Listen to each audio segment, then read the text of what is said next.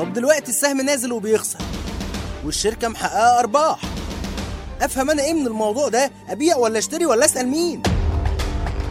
اسأل عمرو الألفي عن كل حاجة تخص الشركات والميزانيات والتحليل المالي. في برنامج مع الألفي على راديو مباشر راديو الاقتصاد الأول في الشرق الأوسط.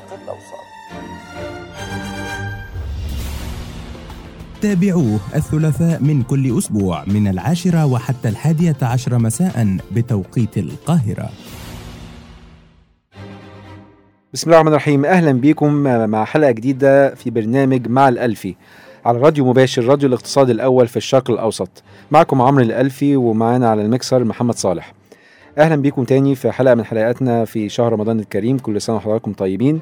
يمكن النهارده هنتكلم قبل ما نخش إحنا عارفين طبعا البرنامج بتاعنا بنتكلم على التحليل المالي وقلنا قبل كده في الحلقتين اللي فاتوا في تفاصيل كبيرة للتحليل المالي وممكن هنحاول على قد ما نقدر نبسطها في البرنامج بتاعنا.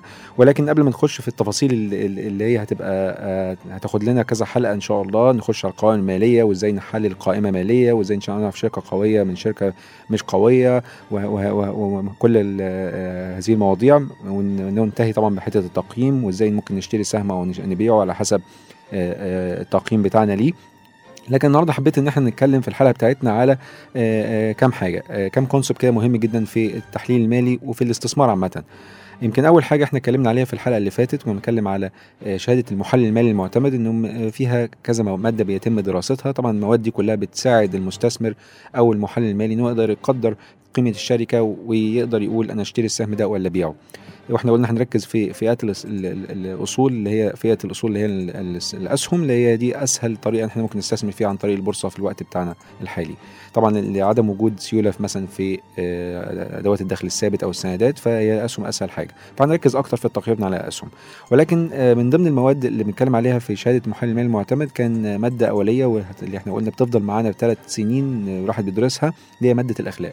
طبعا الأخلاق يقول لك إن هنقعد ندرس الأخلاق من الأخلاق خلاص معروفة لكن هي الأخلاق بحيث إن إحنا قلنا هنعمل standardization أو آه تعميم آه نحط حد أدنى لمعايير المهنة بتاعة التحليل المالي آه وبالتالي هي كمان هي مش بس تحليل مالي هي معايير للاستثمار عامة. من هذه العوامل يمكن لو بصينا على ال code and standards أو ال code of ethics ميثاق الشرف المهنة في تبع ال CFA وده يمكن الميثاق معروف جدا بالنسبة للمجال بتاعنا مجال الاستثمار أو التمويل والاستثمار عبارة عن سبع مواد ولكن أنا مش هنتكلم هنخوض في كل هذه السبع مواد بتاعته ولكن هنتكلم على الترتيب الأساسي بتاع الميثاق الشرف المهنة. أول حاجة بيتكلم على ال capital market integrity أو النزاهة بتاعه سوق المال. يعني سوق المال يبقى قوي ما يبقاش في حد بيتلاعب فيه. ما فيش استخدام لمعلومات داخلية والمعلومات الداخلية دي اللي هي اللي يبقى مديرين ماليين بس أو المديرين التنفيذيين بتوع الشركات هم اللي يعرفوها. الكلام ده المفروض ما حدش يعرفه إلا الناس اللي داخلين جوه الشركة داخل الشركة وبالتالي في أي واحد في البورصة ما ينفعش يستخدم هذه المعلومات ويستخدمها في التداولات. ده ما ينفعش يضلل السوق إنه يروج إشاعات.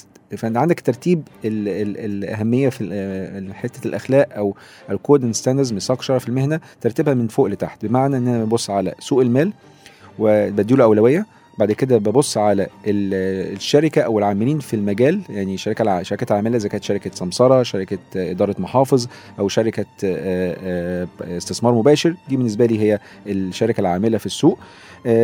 وآخر حاجة خالص الموظف نفسه أو المستثمر نفسه أو أو اللي هو المهني الموجود في هذه هذه الشركات. ده بيحط آخر هو بيجي في مرتبته الأخيرة خالص.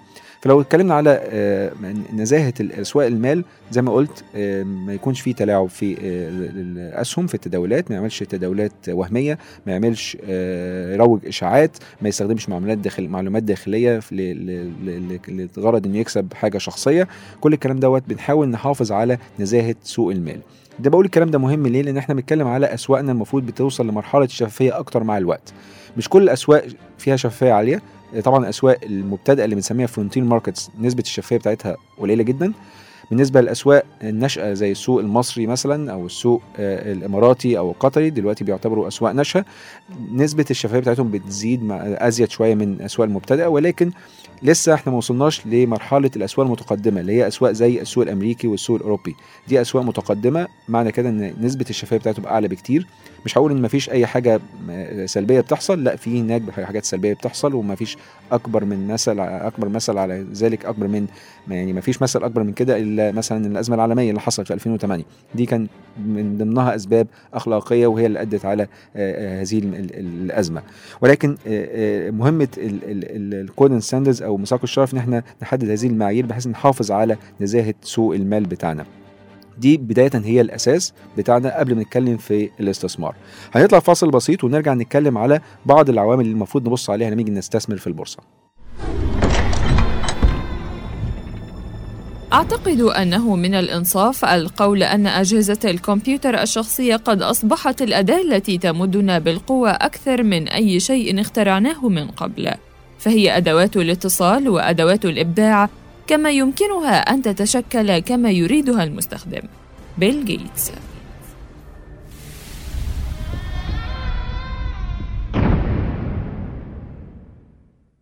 تستمعون الآن إلى مع الألفي على راديو مباشر راديو الاقتصاد الأول في الشرق الأوسط. أهلا بكم مرة تانية في برنامج مع الألفي على راديو مباشر راديو الاقتصاد الأول في الشرق الأوسط. في الفصل اللي فات اتكلمنا على آه، ميثاق الشرف وإن أهم قد إيه آه، نزاهة الأسواق المالية مهمة جدا قبل ما نتكلم على الاستثمار. لأن لو ما فيش نزاهة في الأسواق يبقى كده أنا ببتدي المنافسة. لأن في الآخر إحنا كلنا كمستثمرين في, الأسواق إحنا بننافس بعض. كل واحد بيدور على الفرصة الجيدة والفرصه اللي هتخدي له عائد آه، قوي آه، آه، أعلى من الاستثمار في استثمار تاني. فإحنا بننافس بعض كمستثمرين. في ناس بتشتري وناس بتبيع. ولكن لو آه، بداية في آه، عدم ت- آه، آه، توازن ما بين المعطيات بالنسبة لكل المستثمرين. ده معنى كده إن في حد عنده آه، أسبقية أو حد ما عنده معلومة زيادة عن واحد تاني ده ممكن يبقاش فيه مساواة. فإحنا بنحاول نوصل لحتة المساواة. كل كلنا بنبتدي من نفس خط البداية. بعد كده السبق في الآخر بيورينا في الآخر مين الأشطر مين اللي بينجح أكتر مين اللي بيكسب فلوس أكتر. طبعا نتيجة الاستثمار الجيد. فدي بداية قلنا دي الحاجة الأساسية إن إحنا لازم عندنا حتة ال integrity بتاعت ال capital markets أو نزاهة الأسواق المال. طيب لو بصنا إيه العوامل اللي ممكن نبص عليها لما نيجي نستثمر آه، آه، في آه، الأسهم. إحنا زي ما قلت الحلقة النهارده إحنا ما بنتكلمش على التحليل المالي كقوائم مالية ده إن شاء الله هنتكلم عليه في الحلقات اللي جاية. ولكن النهارده بنحاول نبص على بعض العوامل اللي ممكن ناخدها في اعتبارنا لما نيجي نبص على أي استثمار أي سهم يعني معين بنبص عليه في السوق. أول حاجة بنبص على هبص لها من ناحية إن أنا كأني مدير محفظة. لأن في الآخر أنا لما حتى لو بشتري السهم لنفسي أنا شخصيا كأني أنا بدير آه، محفظتي الشخصية. فبالتالي أنا لازم أبص على قبل ما أستثمر في أي سهم أو أقول هشتري إيه السهم اللي هشتريه وهشتريه ليه وهشتري بنسبة قد إيه من المحفظة بتاعتي؟ لازم أجاوب على بعض الأسئلة لنفسي. الأسئلة ديت يمكن بتبقى موجودة آه، زي ما أشرنا لشهادة ال CFA أو المحلل المالي المعتمد في جزء في الآخر في المستوى الثالث بنتكلم على ال investment policy statement يعني بنعمل آه، يعني آه، بيان للسياسة الاستثمارية بتاعتي. دي المفروض اعملها لو أنا مدير استثمار بعملها للعميل بتاعي. فانا اولى لو أنا هستثمر لنفسي اعملها لنفسي. فاقعد مع نفسي كده واجاوب بعض الاسئلة. آه، من ضمن هذه الاسئلة آه، إيه هو العائد اللي أنا متوقعه؟ العائد اللي أنا عايزه من استثماري في آه، نوع معين من الفئات ال- الأصول اللي إحنا اتكلمنا عليها الأساسية. هنتكلم على الأسهم. طب إيه المخاطرة اللي أنا ممكن اتقبلها؟ ده السؤال التاني. هل أنا متقبل إن أنا أبقى آه، أخسر 30% من فلوسي ولا وممكن أكسب برضه 30% ولا لأ أنا ما أقدرش أكسر أكتر من من 10% فدي تختلف من مستثمر للتاني فلازم أجاوب الأسئلة دي لنفسي الأول قبل ما أبتدي أستثمر في البورصة. آه، السؤال الثالث يمكن مجموعة أسئلة مع بعض أنا بختصرها في بعض آه، في خمس نقط. آه، النقطة الأولانية من الخمس نقط ديت ال time horizon أو أنا مدى الاستثمار بتاعي أنا بستثمر لفترة قد إيه؟ فترة يوم ولا أسبوع ولا شهر ولا سنة ولا خمس سنين. دي مهمة جدا ليه؟ عشان أنا لازم أعرف أنا هستثمر لأنهي فترة بالتالي لما يحصل تقلبات خلال الفترة قصيرة وأنا ببص على فترة طويلة المفروض ما, ما, ما تأثرش جامد لأن أنا already حاطط آه، احتمالاتي على الع- العائد اللي أنا متوقعه على فترة سنة أو سنتين. فدي مهمة جدا أحددها. وبالتالي هعرف أحدد أنا هخش كمضارب في البورصة ولا كمستثمر على المدى الطويل. هشتري أسهم فيها سيولة عالية ولا مش فارقة معايا السيولة واستثمر في سهم؟ ممكن ما يكونش فيه سيولة عالية يعني لو أنا اشتريت السهم بتاعي النهارده اشتريه على يوم ولا يومين ولما أجي أبيع ممكن أبيعه على يوم ولا يومين لأن السيولة بتاعته منخفضة ولكن عارف إن أنا هعمل الكلام دوت كمان سنة وبالتالي لما أجي أبيع هيكون قيمته أعلى فممكن أكسب أكتر. فده ال time horizon ده الجزء الأول من الخمس نقط في المرحلة الثالثه أو الثالث سؤال اللي إحنا قلنا عليه في خمس نقط. النقطة الأولى ال time horizon أنا هستثمر لفترة قد إيه؟ النقطة الثانية ودي يمكن في السوق المصري ما كانتش مهمة قوي ولكن مؤخرا ابتدت تبقى مهمة اللي هي موضوع الضرايب.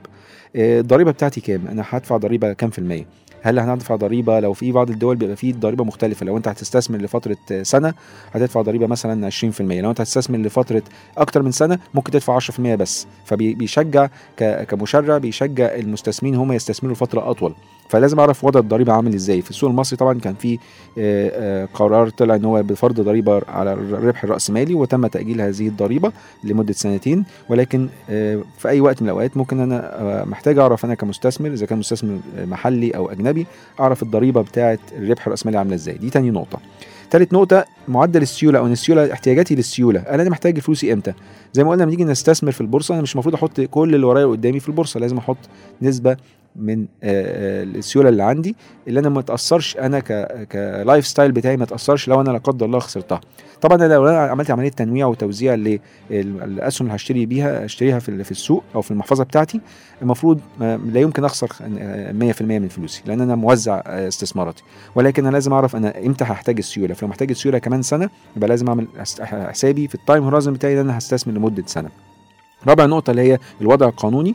آه، هل في أي حاجة قانونية محتاجة أسطبها؟ أنا مثلا آه، أو أسسها. أنا ممكن يكون عندي آه، محفظتي الشخصية أو أنا عايز أعمل محفظة باسم ال- ال- العيلة أو باسم الولاد أو باسم بعمل trust بعمل account العيلة كل الكلام ده ممكن أحدده برضو في النقطة الرابعة. النقطة الخامسة والأخيرة واللي هي ال unique circumstances أو إن أنا في بعض العوامل ال- ال- المنفردة أو متخصصة لكل مستثمر على حدة. أنا ممكن أكون كمستثمر مثلا بفضل الأسهم الإسلامية. واحد تاني بيفضل الأسهم اللي هي لا تضر بالبيئة. واحد تالت بيفضل الأسهم اللي ملهاش علاقة مثلا بالكحوليه كحوليات مثلا آه، أو ال أو ال أو ال- القمار.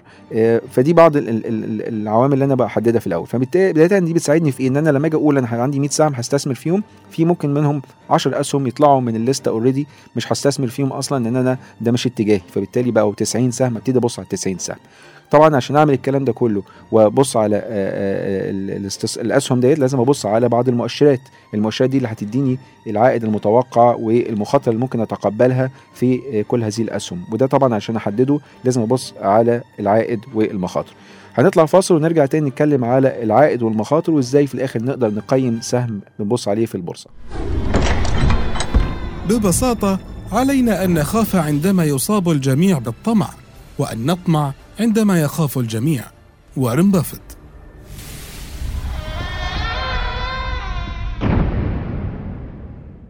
تستمعون الآن إلى مع الألفي على راديو مباشر راديو الاقتصاد الأول في الشرق الأوسط. لسه بنتكلم على العائد والمخاطر في الاستثمار في البورصة. نتكلم على طبعا الأسهم. آه، أنا دلوقتي لما أجي أستثمر آه، في أي سهم أنا دلوقتي حددت خلاص أنا آه، أنا عايز عائد عامل إزاي وعندي مخاطرة متقبلها قد إيه وعندي الخمس عوامل الأخرى اللي هم time horizon هستثمر فتره قد إيه؟ عندي الضرايب بتدفعني كام في المية على التوزيعات؟ بتدفعني كام في المية على الربح الرأسمالي؟ أنا محتاج الفلوس بتاعتي ديت آه، في خلال قد إيه؟ أنا هل أنا عامل structure أو وضع هيكل كده قانوني ليا ولا أنا آه، العقود بتاعتي عاملة إزاي؟ وآخر حاجة قلنا إيه الأسهم اللي أنا هشتري فيها؟ هل هشتري في أسهم آه، بغض النظر هي بتستثمر في أنهي آه، قطاعات ولا أنا ليا آه، تفضيلات معينة؟ يعني مثلا ممكن واحد يقول أنا مش عايز أستثمر في البنوك خالص فدي already بتشيل من اللي نسميها ال opportunity set أو مجموعة اللي هي هتبقى فيها بتديك فرص استثمارية بتقللها لك فبالتالي بتبتدي تبص على عدد أقل من الأسهم. فبالتالي أرجع بقى للحتة الأولانية آه، أو اللي هي العائد والمخاطر. العائد إن أنا محتاج آه، لما أجي أحسب العائد أنا إيه هو العائد اولا؟ هو العائد إن أنا هستثمر النهارده مثلا 100 جنيه ال 100 جنيه ديت آه، خلال سنة لو هتبقى 110 يبقى العائد بتاعي 10% العائد دوت زي ما بنقول high risk high return كل ما يكون المخاطرة اللي انت هتاخدها أو هتجازف بيها اعلى كل ما انت كمستثمر هتتطلب أو تطلب عائد اعلى بحيث إنه يعوضك عن هذه المخاطرة العالية اللي انت هتاخدها. فبالتالي يبقى ال ال ال ال يعني آه ارتفاع المخاطر معناه ان أنا هيرتفع العائد المطلوب. ولكن العائد هو طبعا ممكن يتحقق وممكن ما يتحققش يعني كل الناس بتبقى داخلة عايزة تستثمر وتكسب في البورصة ولكن ممكن يكون استثماره كان في توقيت غلط أو يحصل ظروف تغير اتجاه السوق أو يكون استثمر في سهم غلط. فبالتالي العائد ده ممكن يقلب بالسالب. ففي انخفاض في الأسعار. ده يبقى خسارة خسارة رأسمالية. آه ممكن أنا لو عندي ضريبة بتتفرض على الربح الراسمالي ممكن ده يساعدني إن أنا يوفر لي ضريبة في المستقبل لو أي بحيث إن أنا ممكن أرحل الخسائر بتاعتي. ولكن لو في ظل إن السوق ما فيهوش ضرايب طبعا الخسارة دي هتبقى داخلة على طول على رأس المال بتاعي وتأثر عليا بالسلب. فلكن العائد للأسف الناس ما بتركزش قوي في حتة العائد ديت. ليه؟ لأن العائد هو بالنسبة له لأن إحنا بنتكلم يمكن عشان المستثمرين عادة بيبقوا short term very يعني قصير المدى اللي هو ال time horizon بتاعهم أو المدى الاستثماري بتاعهم بيبقى قصير جدا فيبص على يوم يومين أسبوع كبير قوي بالشهر. فده بالنسبة له العائد هو السهم اشتريته النهارده بكام وبعته بكام. معظم الناس بيبقى نفسهم يشتروا السهم النهارده ب 10 جنيه يبيعوه كمان أسبوع ب 20 جنيه يعمل 100% في أسبوع. هل الكلام ده وارد؟ آه ممكن يبقى وارد في بعض الحالات المنفردة ولكن مش ده الطبيعي. لازم يبقى أنا عارف وأنا داخل أستثمر في البورصة إن العائد الطبيعي بتاعي مش هو ان اعمل 100% في خلال الأسبوع. لأن دوت لو حصل بيحصل مرة أو اتنين ومش في كل الأسواق. فأنا المفروض أنا داخل السوق بحدد العائد بتاعي، العائد بتاعي بقسمه جزئين. أنا عندي جزء اللي هو العائد السعري اللي هو أنا بتكلم عليه شاري السهم النهارده ب 10 جنيه كمان كام يوم بقى ب 12 أنا عملت 20% ده العائد السعري. ولكن العائد التاني اللي هو الناس بتغفله عائد التوزيعات. وده مهم جدا للمستثمرين اللي بيقعدوا على الأقل سنة في استثمارهم. لأن التوزيعات ديت بتبقى ناتجة عن توزيعات الأرباح بتاعة السنة المالية اللي منتهية لأي شركة من الشركات وتقوم هذه الشركة بتوزيع الأرباح وبالتالي العائد بتاع السهم مش بس العائد السعري لا هو العائد السعري زائد عائد التوزيعات على السهم أو عائد توزيعات الأرباح. نجمع الاثنين على بعض هيبقى هو ده العائد الكلي. يعني أنا دلوقتي لو اشتريت السهم ب 10 جنيه والسهم دوت وزع جنيه خلال سنة فانا دلوقتي في جيبي في الآخر هيبقى فيه جنيه في نهاية السنة. ولكن بعد نهاية السنة ال 10 جنيه ديت لقيتها ب 12 جنيه. يعني بعد ما السهم وزع كان 10 جنيه وزع وبقى ب 12 جنيه. أنا كده عملت عائد سعري 20% اللي هو ال 12 مقارنة بال 10 ده كده 20% عائد سعري. ولكن أنا معايا كمان جنيه في في جيبي في المحفظة. ده الجنيه دوت مقارنة بال10 اللي هو بداية الاستثمار بتاعي يعتبر 10% يبقى أنا كده عملت عائد كلي 30% عملت عائد سعري 20% وعائد توزيعات 10% الاثنين على بعض يديني 30% ده العائد الكلي المفروض أبص عليه. المؤشرات مثلا اللي بنبص عليها في البورصة زي مؤشر زي EGX 30 لا هو عائد سعري ما بيبصش على العائد الكلي. معنى كده إيه؟ معنى لو شركة وزعت أرباح ما بياخدش في اعتباره إن في عائد راح مني ما لم يتم حسبانه. يعني لو بصيت على السهم كمثال واعتبرنا ده كأنه مؤشر لو أنا بصيت عليه هقول لك آه ده العائد بتاع السهم أو المؤشر دوت 20% فقط ولكن لأ هو مش 20% فقط. لأن أنت لو مستثمرت فعلا لمدة سنة في هذا المؤشر لا أنت تاخد 20% وتاخد كمان 10% فوقيها ف 30% فالعائد الكلي بيديني الصورة الكاملة عشان كده سميناها العائد الكلي. هو بيديك ال two components أو الجزئين بتوع العائد العائد السعري وعائد التوزيعات فبالتالي لما أجي استثمر في أي سهم أنا لازم أحدد أنا عايز عائد عامل إزاي. العائد دوت طبعا بداية أنا في كذا نموذج لتحديد العائد ولكن يمكن النموذج اللي عادة إحنا كمحللين ماليين بنستخدمه اللي هو ال CAPM أو capital asset pricing model أو بنسميه نموذج تسعير الأصول الرأسمالية. ودوت اللي بيحدد لنا العائد اللي أنا متوقعه على السهم. فطبعا لما أجي أتكلم على سهم أنا بتكلم على فيه مخاطر لأن أنا كمساهم أنا آخر واحد هياخد فلوسي لو الشركة حصل لها أي حاجة. يعني لازم أسدد الضرائب اللي الأول بعد كده أسدد المديونية بتاعتي للبنك بعد كده أسدد المديونية بتاعت السندات بعد كده في الآخر أي أرباح تتفضل لي أنا المساهم هيجي لي العائد دوت. فطبعا أنا واخد مخاطرة أعلى. فبالتالي المخاطره الأعلى ديت متطلبة عائد أعلى. فطب إيه اللي إحنا هبتدي عشان أحدد العائد بتاعي؟ أبتدي بالعائد الخالي من المخاطر أو ال risk free rate العائد الخالي من المخاطر في أي دولة هو العائد على سندات الخزانة بتاعة الدولة ديت. ففي مصر مثلا لما نتكلم على سندات الخزانة أو أذون الخزانة اللي هي ال- ال- السندات الدخل الثابت اللي الدولة بتصدرها ده بالنسبة لي هو عائد خالي من المخاطر. خالي من المخاطر إزاي؟ لأن هو الدولة لو بتصدر سندات مثلا بالجنيه المصري هي هتصدر هتدفع الفلوس عليها؟ آه هتدفع الفلوس عليها. ليه؟ لأن هي بت... سندات بالجنيه المصري والدولة هي اللي بتقدر تطبع الجنيه المصري فبالتالي مفيش مخاطر إن هي تسدد.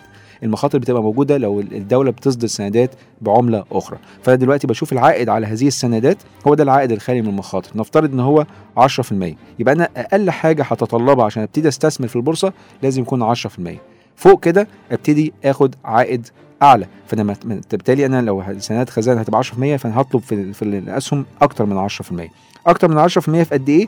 ده يعتمد على جزء المخاطر. هنطلع فاصل ونرجع نتكلم على المخاطر وإزاي أكمل أنا المعادلة بتاعت اللي هي تسعير آه، النموذج تسعير الاصول الرأسمالية علشان أحدد العائد بتاعي مع اعتبار واخذ أخذ في الاعتبار آه، وجود المخاطر. الحائزون على جائزة نوبل في العلوم الاقتصادية على راديو مباشر راديو الاقتصاد الأول في الشرق الأوسط.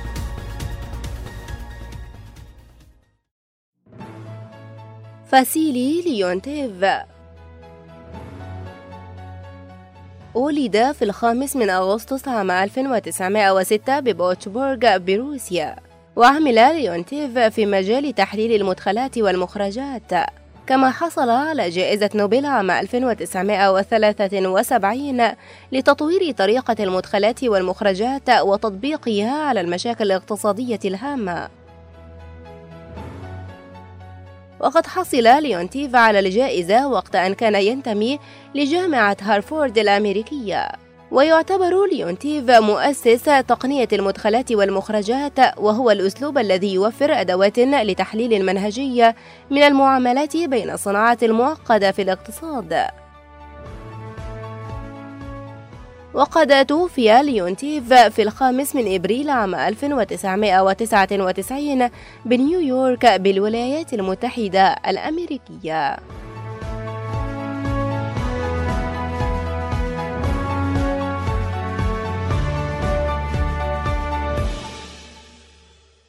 الحائزون على جائزة نوبل في العلوم الاقتصادية على راديو مباشر راديو الاقتصاد الأول في الشرق الأوسط.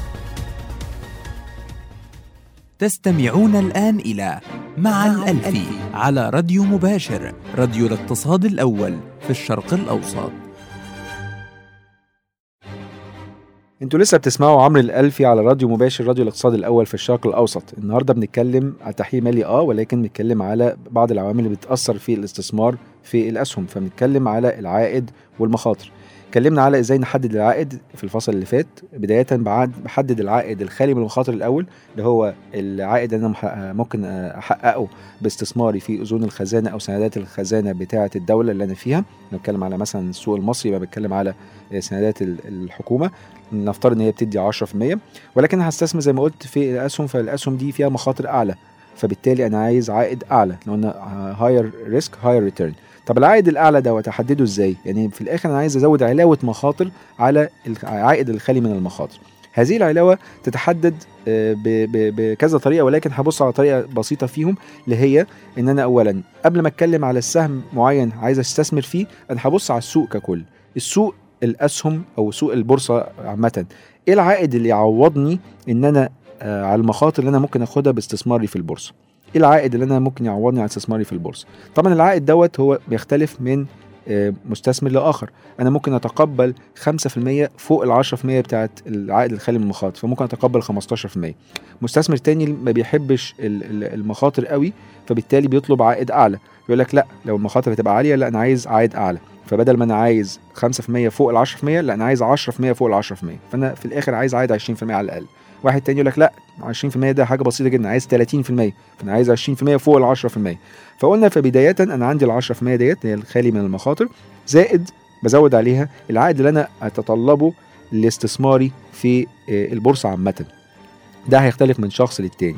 آه، طبعا كل ما المخاطر بتاعت الدولة بتزيد كل ما علاوه المخاطر دي هتزيد. لما المخاطر تقل في الدولة كل ما علاوة المخاطر دي بتقل. لكن ده بالنسبة للسوق. أنا بتكلمش على السوق أنا بتكلم دلوقتي على سهم من الاسهم في هذا السوق. فبالتالي عايز أشوف آه، علاقة العائد بتاع السهم بعلاقة العائد بتاع السوق. لما السوق بيطلع 10% هل السهم بتاعي اللي أنا ببص عليه اللي أنا بحلله دلوقتي هيطلع برضه ب 10% ولا هيطلع بأكتر من 10% ولا هيطلع بأقل من 10% ولا حتى لما السوق يطلع ده السهم بتاعي بينزل.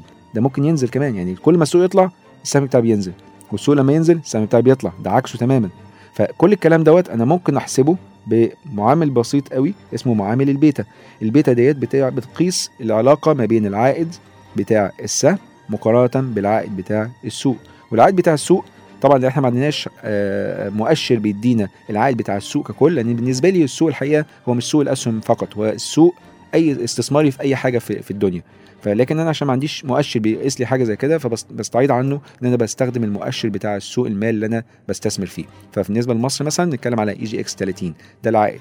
ده ده عفوا ده المؤشر بتاع السوق المصري. فبالتالي العلاقة ما بين العائد بتاع السهم بتاعي تغيره كارتفاعات وانخفاضات مقارنة بالارتفاعات والانخفاضات بتاعت مؤشر ال EGX 30 المعامل البيتا ديت ممكن تتراوح ما بين minus infinity ل plus infinity يعني إيه؟ يعني ممكن تبقى minus أرقام كبيرة جدا وممكن تبقى plus أرقام كبيرة جدا وممكن تبقى zero تمام؟ آه، هي مش من zero لواحد لا هي ممكن تبقى negative negative إمتى؟ أو تبقى سلبية إمتى؟ معناها إن السوق السوق لما يطلع السهم بتاعي بينزل عكس عكس الاتجاه تماما. ولكن لما تبقى ما بين zero لواحد يبقى معنى كده ارتفاع السوق لو 10% أنا ارتفاع السهم بتاعي ممكن يبقى أقل من 10% يبقى إيجابية أو سلبية بتحدد لي الاتجاه. لو البيتا بتاعتي إيجابية معنى كده إن السهم بتاعي بيرتفع مع ارتفاع السوق مع اختلاف الدرجات. ولكن لو البيتا بتاعتي سلبية معنى بتاعي معنى كده إن السهم بتاعي بيعمل عكس اتجاه السوق. السوق ارتفع السهم بتاعي هين- هينخفض السوق انخفض السهم بتاعي هيرتفع. طيب إيه اللي أنا المفروض أبص عليه؟ يعني أحسن رقم بالنسبة لمعامل البيتا أقدر أستثمر فيه. عندك ما بين zero لغاية نقول نص 0.5 علامة خمسة ده نص بيتا معنى كده ده منخفض ال- ال- التذبذب. م- نص- من 0.5 لواحد ده برضو منخفض التذبذب ولكن نسبة آه، أعلى شوية من الأسهم الأولانية. أي سهم زي بيتداول زي البورصة بالظبط بيبقى البيتا بتاعته حوالي واحد. يعني مثال لو بصينا على البيتا بتاعت آه، مثلا البنك التجاري الدولي ال CIB مقارنة ب EGX 30 لأن هو بيمثل تقريبا 30% من ال EGX 30 هتلاقي إن هو البيتا بتاعته واحد تقريبا لأن هو زي السوق. طب إيه السهم اللي ممكن يديه عائد أعلى من السوق؟ البيتا بتاعته تبقى أعلى من واحد بس ده اخد في اعتباري حاجة لأن السوق لو نزل السوق السهم بتاعي هينزل أكتر من السوق فدي المخاطر بتاعتي. طيب دي نسبة دي دي مع- معامل البيتا ده بيساعدني إن أنا أحدد المخاطر. عرفت المخاطر بتاعت السهم بتاعتي مقارنة بتاعي مقارنة بالسوق عرفت أحدد أنا عايز عائد عامل قد إيه آه، مقارنة بالسوق فأنا نقول دلوقتي أنا معايا عائد خالي من المخاطر 10% وعندي مخاطرة نفترض إن مخاطرة السهم بتاعي البيتا بتاعته واحد ماشي زي السوق بالظبط وأنا مطالب من السوق 5% فوق ال 10% يبقى أنا كده عايز عائد كامل 5% في واحد يبقى 5% زائد ال 10 يبقى 15% طب لو ال- ال- ال- السهم اللي ببص عليه فيه تذبذب عالي فالبيتا بتاعته واحد ونص. يبقى أنا عايز واحد ونص مرة اللي أنا عايزه من السوق. فأنا عايز من السوق 5% فوق المعدل المعامل اللي هو الخالي المخاطر أو العائد الخالي المخاطر. يبقى أنا عايز 5 مضروبة في واحد ونو- ونص. يعني بيتكلم أنا عايز 7 ونص فوق ال 10 يبقى عايز 17 ونص في المية. طبعا ده بتختلف من سهم للتاني. طب أعرف أحدد البيتا إزاي؟ ببص نظرة تاريخية وأشوف تاريخ السهم ده عامل إزاي مقارنة بسعر السوق. ولكن بالمؤشر بتاع السوق. ولكن هي ده كل تاريخي. أنا اللي يهمني أكتر وأنا مستثمر هو مش التاريخ. هو المستقبل. إيه اللي ممكن يحصل؟ فعشان أقدر أستخدم الكلام ده في المستقبل بستخدم ممكن عم- بعمل adjustment أو تعديل للبيتا إن أنا بعملها ad- بستخدم حاجة اسمها adjusted beta ولكن ده بيحاول يحاول يوصل لي إنه يقول لي إن السهم على المدى الطويل حتى لو البيتا بتاعته أقل من واحد أو البيتا بتاعته أعلى من واحد آه، على المدى الطويل هيقرب من الواحد يعني هيتقرب هيبقى قريب من البيتا بتاعت السوق. دي بالنسبة للمخاطر. كده يبقى قدرت أحدد المخاطر بتاعت السهم وقدرت أحدد إيه العائد اللي أنا ممكن أتقبله من السهم. نطلع فاصل ونرجع نتكلم على آخر حاجة وهو إزاي نقيم سهم نسبيا. أن تجري في طريق تعرف آخره أن تضمن أنك ستصل للهدف أن تطمئن لأنك دائما معنا ونحن أيضا معك. راديو مباشر راديو الاقتصاد الأول في الشرق الأوسط. تستمعون الآن إلى مع الألفي على راديو مباشر راديو الاقتصاد الأول في الشرق الأوسط. لسه معاكم عمرو الألفي على راديو مباشر راديو الاقتصاد الأول في الشرق الأوسط. آه، آخر فصل لينا وهنتكلم على التقييم النسبي أو relative valuation. آه، إحنا اتكلمنا على العائد والمخاطر وقبل كده كله أول حاجة اتكلمنا فيها أول حاجة في الحلقة خالص طبعا الأخلاق لأن لو قلنا من غير الأخلاق الاستثمار بتاعنا مش هيبقى فيه آه، آه، ثقة. فعندنا العائد عندنا المخاطر حددنا العائد وحددنا المخاطر. دلوقتي أنا فاضل عندي إن أنا أبتدي أقيم السهم نسبيا. دي يمكن أسهل طريقة تقييم. إحنا في الحلقات اللي جاية إن شاء الله هنركز أكتر على القوائم المالية وإزاي ممكن أمشيها آه، خطوة خطوة وأبتدي أشوف من المؤشرات المالية بتاعه الميزانيات أو القوائم المالية الشركة دي قوية ماليا ولا لأ؟ ولكن النهارده حبيت نتكلم على طريقة سهلة جدا للتقييم النسبي. ولكن الطريقة ديت طبعا فيها إيجابياتها وفيها سلبياتها. هي طريقة سهلة آه بس كل حاجة سهلة ممكن تبقى فيها مشاكل. آه، ولكن آه، دي طريقة إن أنا أقدر أحدد على الأقل مبدئيا السهم ده نسبيا رخيص ولا غالي. نسبيا نسبة لإيه؟ نسبة للسوق. نسبه للقطاع اللي هو فيه نسبه لسهم تاني بقارن سهمين ببعض. فدي بتبقى بتديني طريقة سهلة جدا إن أنا أقيم سهمين ببعض. دي بنسميها بطريقة تانية بنسميها المكررات الربحية أو مضاعفات الربحية. يعني إيه؟ يعني أنا دلوقتي لو اشتريت سهم بيديني ربح جنيه أنت ممكن تدفع في السهم اللي هيدي لك ربح جنيه ده تدفع فيه كام؟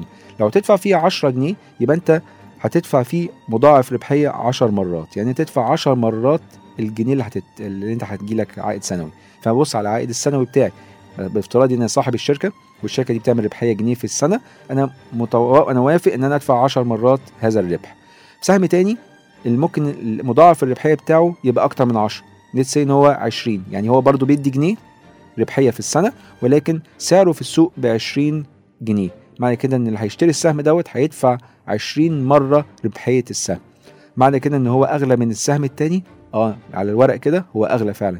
ده بيدي جنيه وده بيدي جنيه. ده بدفع فيه 10 جنيه وده بدفع فيه 20 جنيه. طب ليه ممكن المستثمر يشتري يشتري السهم أبو 20 جنيه وما يشتريش السهم أبو 10 جنيه؟ بالرغم إن أبو 10 جنيه دوت أرخص. بدفع فيه 10 مرات بس لكن ال 20 جنيه بدفع فيه 20 مرة. اللي خليني أستثمر في سهم بيدفع فيه 20 مرة هو ال ال الرقم اللي أنا مش حاطه في المعادلة ديت اللي هو معدل النمو. أنا بنتكلم كل حاجة إحنا بنستثمر للمستقبل مش بنستثمر للتاريخ. لأن ممكن الأرباح اللي ببص عليها دي أرباح تاريخية. الربحية الجنيه ديت هي حققت أو تم تحقيقها السنة اللي فاتت. طب أنا اللي يهمني مش السنة اللي فاتت؟ يهمني السنة اللي جاية. الجنيه ده كمان سنة أو كمان سنتين كمان ثلاث سنين هيبقى كام؟ نفترض هنبص على time horizon سنة واحدة. الجنيه دوت لو هيبقى جنيه ونص تمام؟ ده معدل ربحية زيادة في معدل نمو في الربح كام؟ زيادة النمو 50% طيب لو السهم دوت كان آه، من جنيه هيعمل أرباح هيعمل أرباح بس آه، 5% يعني يبقى جنيه وخمسة صاغ يبقى زايد 5% يبقى عندي دلوقتي سهم ربحيته الجنيه الاثنين أو عفوا الاثنين سهمين. سهم بيدي جنيه وسهم بيدي جنيه. سهم هينمو ب 50% وسهم هينمو ب 5% السهم اللي هينمو ب 5% ده هو اللي أنا كنت هدفع فيه 10 مرات. تمام؟ 10 مرات الربحية.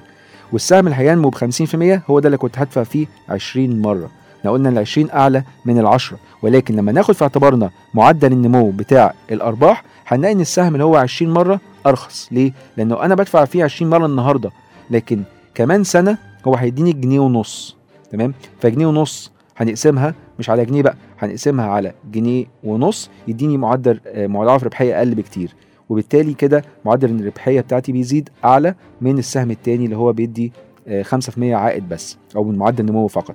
فده الحاجة دي بتسميها إيه؟ بنسميها مع- مؤشر تاني اسمه بيج ريشيو أو البي اي بنقسمه على الجروث أنا اخدت المضاعف الربحية بتاع السهم وقسمته على معدل النمو. فناخد نحسب بص... بطريقة بسيطة كده مع بعض. السهم الأولاني اللي هو بيعمل مع... آه، بدفع فيه 10 مرات عمل نمو 5% أقسم 10 على 5 بيديني 2 مرة. تمام؟ لكن السهم الثاني بدفع فيه 20 مرة ومعدل النمو بتاعه كان 50 آه، في المية. معنى كده لا أقسم ال 20 على 50 يديني آه، 40 آه، من 100 في المية يعني علامة أربعة.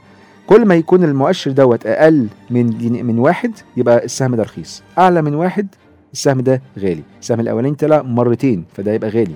السهم الثاني طلع أقل من واحد طلع 0.4 أو علامة أربعة من واحد يبقى السهم ده أرخص. يبقى مش معنى إن المضاعف الربحية أعلى يبقى هو ده آه، سهم غالي لا ممكن يبقى أرخص لأن في معدلات نمو أعلى تعوض آه، هذا آه، الارتفاع في السعر اللي هدفعه.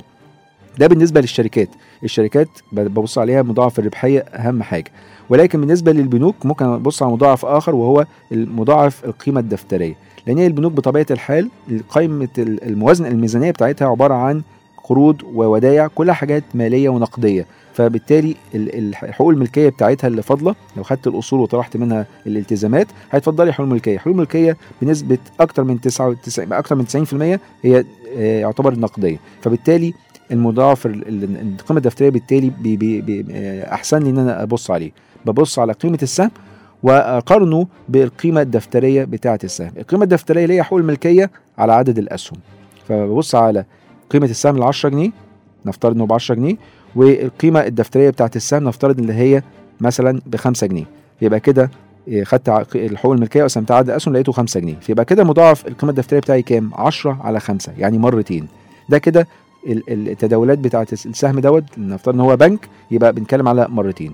أقارن بقى الاثنين ديت بمضاعف آه، دف- قيمة دفترية البنك تاني وابتدي أحدد هو مين أعلى ومين أرخص. ومين أقل في في السعر أو في مضاعف القيمة الدفترية. ولكن برضو لازم اخد في اعتباري برضو معدل النمو لأن هو النمو بنتكلم على اللي هيحصل في المستقبل. ده مهم جدا. يبقى إحنا كده عندنا التقييم النسبي بتاعي سهل جدا. أبص على مضاعف الربحية أشوف على سعر السهم مقارنة بربحية السهم وآخد في اعتباري معدلات النمو المتوقعة للسهم. ده بالنسبة للشركات. بالنسبة للبنوك ببص على قيمة آه، السهم النهارده مقارنة بالقيمة الدفترية بتاعته. وبالتالي كل ما يرتفع المؤشر دوت يبقى غالي كل ما ينخفض يبقى رخيص.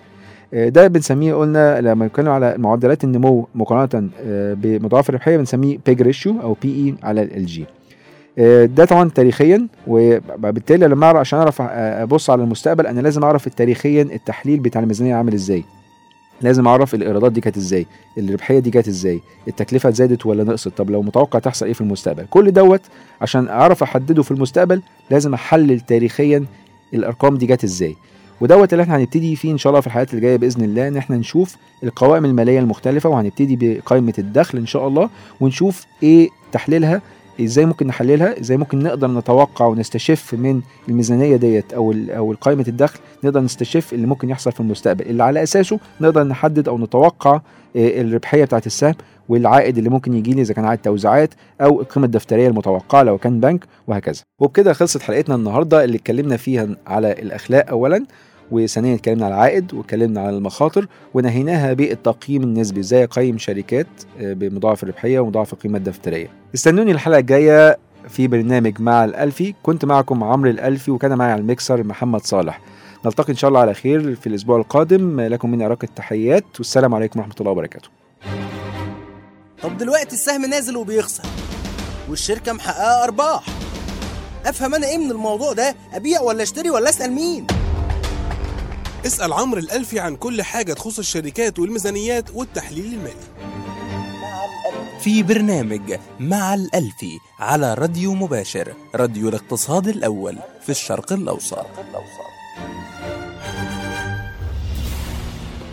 تابعوه الثلاثاء من كل أسبوع من العاشرة وحتى الحادية عشر مساء بتوقيت القاهرة.